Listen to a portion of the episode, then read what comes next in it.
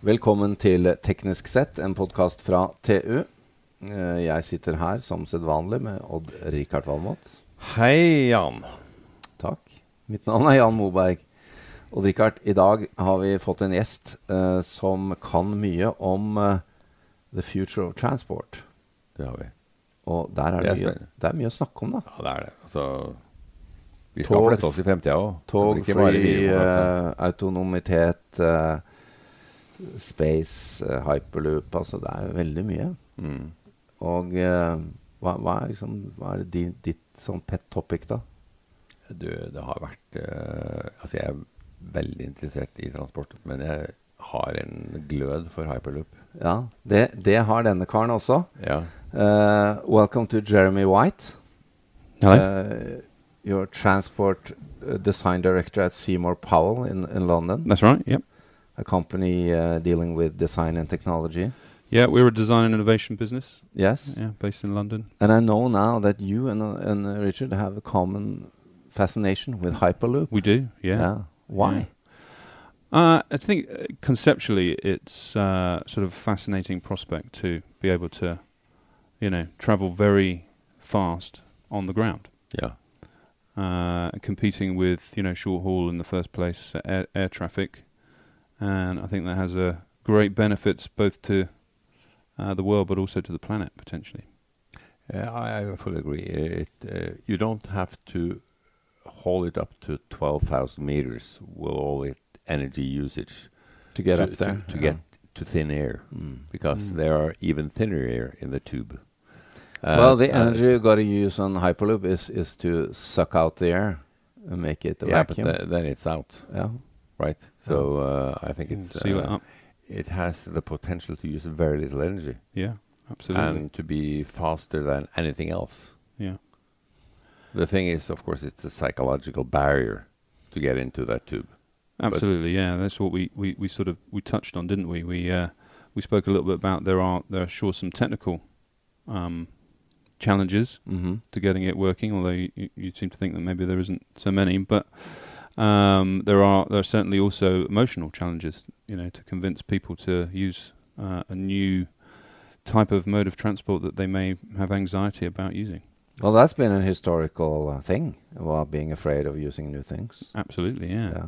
Uh, there was a People gladly um, enter uh, aluminium tube uh, surrounded by very flammable stuff liquids. Yeah, exactly. Yeah, and take off. they do. And I think uh, I think at one point, you know, people thought they were going to explode if they went over 100 miles an hour, didn't they? You know, that the human body was going to. But I, I got to ask you then, Jeremy, are there design works uh, happening now for Hyperloop already? Yeah, so uh, I think there's a number of different sort of companies looking at it. Um, I think Hyperloop One's probably the most advanced. Um, I think there's some test tracks knocking around. Yeah, there's one, one in Uh, Las Vegas and one in. Uh, Uh, is it in Dubai or Dubai, Abu Dhabi or somewhere so, like that? yes. Yeah. Um, so yeah, I mean, it has sort of great potential to be the sort of solution. Really, um, I always, you know, we, we think about sort of air travel and the uh, the prediction for air travel uh, is going to increase dramatically over over the coming 10, 20 years. Um, if we look at some of the stats, uh, that we, we know that only nine percent of the Chinese population own a passport. You know that's set to change. mm. Uh, so suddenly you have, you know, millions and millions, potentially billions more people traveling by air, Mm. uh, and air, you know, air travel being one of the biggest contributors to, you know, CO two. Um, we have a mighty challenge on our hands as a human race to reduce that Mm. and, to, and to and to and to tackle. And, uh, and the, g- the good thing with Hyperloop um, is that you can transport a lot of people over long distance in a short time, just like airplanes. Yeah, it's a very small space Mm. as far as I understand. Uh, certainly at the moment, the ones they're looking at are quite uh, constrained in terms of their space. Like the London subway. Probably smaller than that. Yeah. Probably smaller than that. Yeah. Smaller than the subway train. Yeah. So that's your field of expertise, isn't it? To Yeah. Design around it. Exactly. So you've got to you've got to you know design around the perception of space. You know, deal with Mm. this perception of space, and there are tricks you can use to do that. Big screens. Um, big screens. Maybe you know, maybe people aren't even you know looking at uh, the real environment. Maybe they're you know they're- Outside, They're, yeah. augmenting. You Yeah, know, they have you know glasses on, goggles. Maybe there'll be things in people's eyes in the future which can effectively augment space. Mm. You know, t- take you away to another place. Mm. Uh, it could it could it could be that. Um, but on its very basic terms, you know, in, in, in its infancy, we're going to need to be able to deal with the fact that nobody's going to be able to look out the window. You know, Yeah. there's no windows. So what do well, we do well, that goes for airplanes as well. I mean, they're thinking about doing that because it will simplify the construction of airplanes, and you might as well have a screen or something. Yeah, yeah. I I I kind of challenge that one a little bit because uh, actually one of the and I'm, I'm not I'm not against air travel at all, but I think um, you know there there there is something beautiful about the magic of flight. You know, Yeah, and it's an incredible thing that you know you're doing. you can Um, I, I remember look out the window. Yeah, and, I mean, I remember flying to. Uh, I was flying to New York or somewhere like that uh, on, on on that side of the U.S. And you fly over, you fly over the Iceland, and then you fly over Mm. the almost the you know the North Pole, right? And uh, I just happened to open my blind and look down, and there's this amazing, you know, you're flying over s- such incredible landscapes. And uh, of course, a big shard of light came in, and everybody turned around to me and looked, Mm. looked at me like I was Mm. dirt, you know. And I'm yeah, like, because just- they were watching a film. because they're watching a film, right? Yeah. And uh, and I just wanted to see see this amazing part of the Oh, world, you know, true, that you'd yeah. never get to see ever again, you know. Mm. Um, but so that's so that's the thing, you know. Well, well, well, we- we- we have to pick up on air travel a bit because, um, you know, what what happens inside an airplane uh, when you walk into an airplane on economy class, at least they all look exactly the same. Yeah, I mean, I understand that there are constraints as far as you're gonna fit so many people and you're you're selling. Uh, that's a numbers game. yeah, But- for sure. Aren't there some things we can do to make this a bit more dynamic and and uh, Yeah, I think so. Yeah. Um, you know, obviously we're very much price driven. You're driven by the amount of passengers that you, that you can that you can uh, put in, particularly in the in the cheap seats in, in economy. Um, down in business class, people play a few more tricks uh, w- with that. But again, it's very standardized. It's very similar. Obviously, there's th- there's obviously a big certification cost. There's a big development cost in Yeah, designing a new yeah. kind of seat. And it's a it's a CO2 cost because uh, Yeah, uh, business class they emit twice as much uh, Yeah. Yeah, yeah. climate gas as per person. economy. Yeah, for sure. Yeah, I mean the the seats aren't uh, heavy, particularly if you're going, you know, reclining. You have all sort of actuators and various other sort of stuff that makes it uh, transform from one thing to the other. Mm. Um, but we always talk about, you know, for a long time we've been sort of coming up with ideas of trying to make both railway and and aircraft interiors more flexible. yeah, it goes for both, of course. Yeah, Yeah. it's it, that that's similar. Yeah, so um, we put in uh, we have got a couple of concepts that uh, you can look up. Um, one was one's called Morph, which is about an economy seat that changes from a three bay or three seats into into two, and you can adjust effectively just using a. You can imagine a bench seat, and then some uh, sliding sliding armrests. Yeah. Um, but this uses sort of smart fabrics, so you can also control ergonomic Oh, I see. um, uh, you know dimensions, Mm. so we can tune the um, tune the seat to fit a person properly.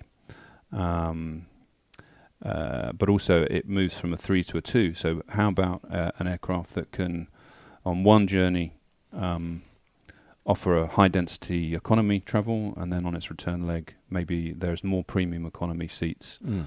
Uh, or where there's less people traveling, say the flight's not full, people can sort of experience a better, uh, better experience by essentially having flexible architecture within within the aircraft. Making It even sounds, beds. Mm. Yeah, there's way there's ways of making it into bed. So uh, uh, New Zealand Air have a have a have a concept that or, or a product actually that that works. It's called uh, Sky Couch, I think, uh, which Mm. takes a three three um, three three economy seats, and you can fold up uh, the the bed uh, or fold up the, the the stool if you like, and, and form a kind of a bed surface. So um, a couple per- perhaps can take those three seats and, and spread out. Um, but flexibility really is all about, you know, for us is all about trying to uh, move from a bit different business model, challenge the business Mm. model of how you how you. Um, So you move from selling seats to selling space. Yeah. Now we talked about ground transport. We talked Sure. about transport in 12,000 meters. You've been working for people who want to fly higher. Yes. Uh, so Far out. So Far- far out. for uh, last ten years, on and off, we've been working with Virgin Galactic Yeah. uh, and uh, the spaceship company. Um, I can't tell you too much about the stuff that we're doing now, but we're we're looking to sort of finalise. Can you Uh, give us a couple of tickets? But on the fi- no, I'm afraid not. No, they're they're quite expensive. There, yeah. Um, but it's an amazing But we know you. yes, yes, you know me, yeah. Uh, but it's amazing. It's an amazing operation they have out there. You know, um, very exciting to go uh, to the spaceship company. You know, the first time we were invited there, they were like, "Would you like to come to the spaceship factory?" And we're like, Mm. "Really? Come to Mm. the spaceship factory?" um, and they've got White Knight there. So White Knight is the um, mothership. Yeah. So uh, I don't know how much you know about um, uh, the way that they fly, but they have a, a mothership which is just like a jet engine. You know, it's a twin hold thing. It has a uh, uh, the longest span Yeah. of w- wingspan between the two uh, two holes, which then carries the um, uh, spaceship uh, underneath it. They take it up to 50, 60, 70,000 feet, and then they drop Mm. uh, drop spaceship spaceship rockets ignite Mm. and then they go through um, Mach 1, and then they start to pull up, and then they put, pull up vertically, and they travel up to something like 150,000 feet, something like that, and then That's rocket space. motors off. Yeah. And then they continue up to um, like 270, 280,000 feet uh, with the rockets off, and at that point you're out of fuel. Um, and they have what's called feathering, so they feather up the spaceship. The spaceship changes shape, uh, and that draws the spaceship back down into the atmosphere like a shuttlecock. Mm. It put, it's just an aerodynamic thing that changes the the, um, the the shape of the spaceship, so it comes back down, uh, and then you're a glider. Um, so you drop back down, experience maybe four, uh, four and a half G on the way back down uh, until you refeather uh, or defeather, and that means that the uh, spaceship changes back into sort of normal aircraft shape Yeah. and then it circles back down, glides back down to Earth. Uh, and there's a period of time after rocket motor shut out and before you start to uh, uh, reach the apogee, which is the top of the curve, and start to come back down, where passengers can uh, get out of their seat and experience weightlessness, um, sort of unobstructed. So there's a big sort of space that they can go off. They have windows all over the ceiling and the um, uh, and and and the obviously there's there's windows everywhere, windows at the front.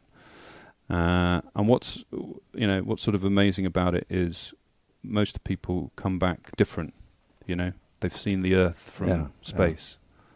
Um, Transformation. they have a transformational Mm. experience, you know, and a lot of people who come back, a lot of astronauts and people who've been to space come back and do good, you know. Um, I think it's called the overview effect. Yeah. So that it's that's a known uh, phenomenon. But you know. four and a half G, uh, it's not mass transit for the average Joe, average Joe, is it? It's not, no. Um, so there'll be training, obviously, to sort of cope with that, and, and there's ways in which you can manage G force, Mm. and they they they train you to do, train you how to do that stuff. Yeah. Wh- When uh, when's it starting up? Well, the last uh, space flight was um, uh, December last year, and they took their first, effectively their first commercial astronaut, a passenger, uh, a lady called Beth Moses, who very coolly came down and got her astronaut commercial astronaut wings with the um, astronaut 007, which was quite cool for her. um, and good that it was a good that it was a, a lady, female. Um, she's actually the chief astronaut trainer. She's a very cool, cool lady. And she was going up and doing some testing, final testing. Uh, there's some more test flights planned this year.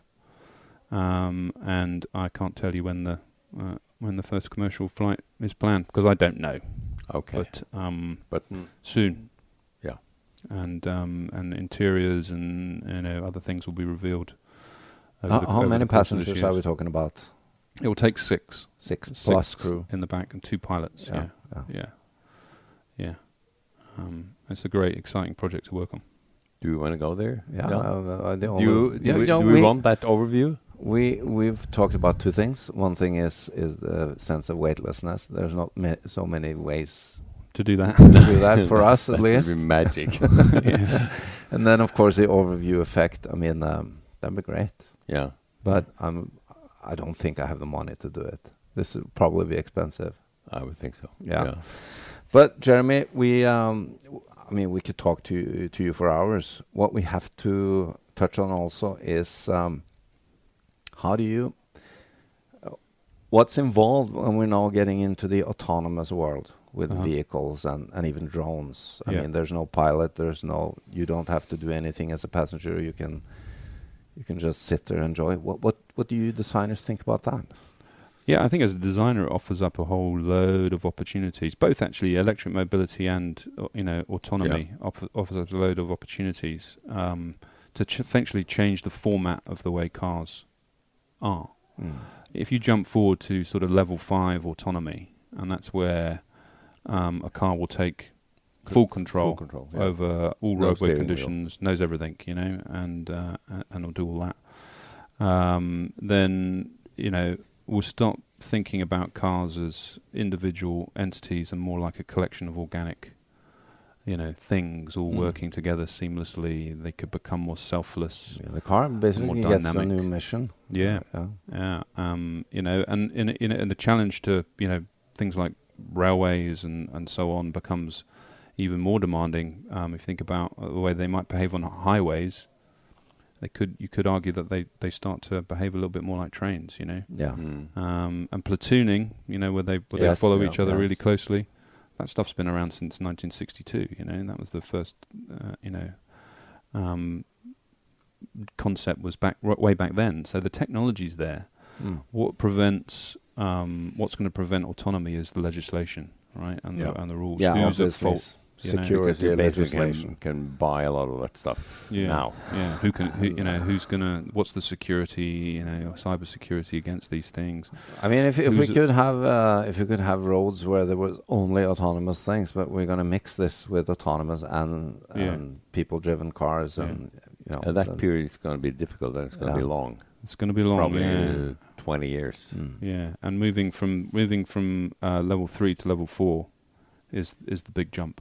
Yeah. So level three is where a human beings still in still partly in charge, but how do you and that therefore you can legislate against that because uh, the human being can be made responsible for touching the steering wheel every you know five minutes or whatever it Mhm. But when we move to the four, how do you make that jump? Who is responsible for you know killing the um, knocking over the teenager or ramming into a non-autonomous Mm. car or whatever it is, you Mm. know, whatever Making the the accident choice. is, making the choice. Who Mm. makes the moral choice? Mm. You know, that's the big challenge, Yeah, I know. and that's what that's what's going to um, slow it down. It won't be the technology that slows it down. It'll be it'll be that part. The lawyers. Yeah, it'll be the lawyers who slow it down. They slow down things a yeah, lot. yeah, don't they do. well, well, I'm sorry, I have to slow uh, you two down as well. It was uh, fascinating talking to you, Jeremy, and, uh, and Fascinating talking to you. uh, Pleasure. We, we learned a lot. Yeah, Uh, thank you. Yeah, We got to go in space, Odd-Rikard we got to go to space to, and via Hyperloop. Uh, Please. yeah, it's tricky. It's tricky. There's a big waiting queue. There's a big waiting yeah, line. Yeah. Well, thank you, and uh, all the best with new designs. Thank you. Thanks. Thanks. Cheers.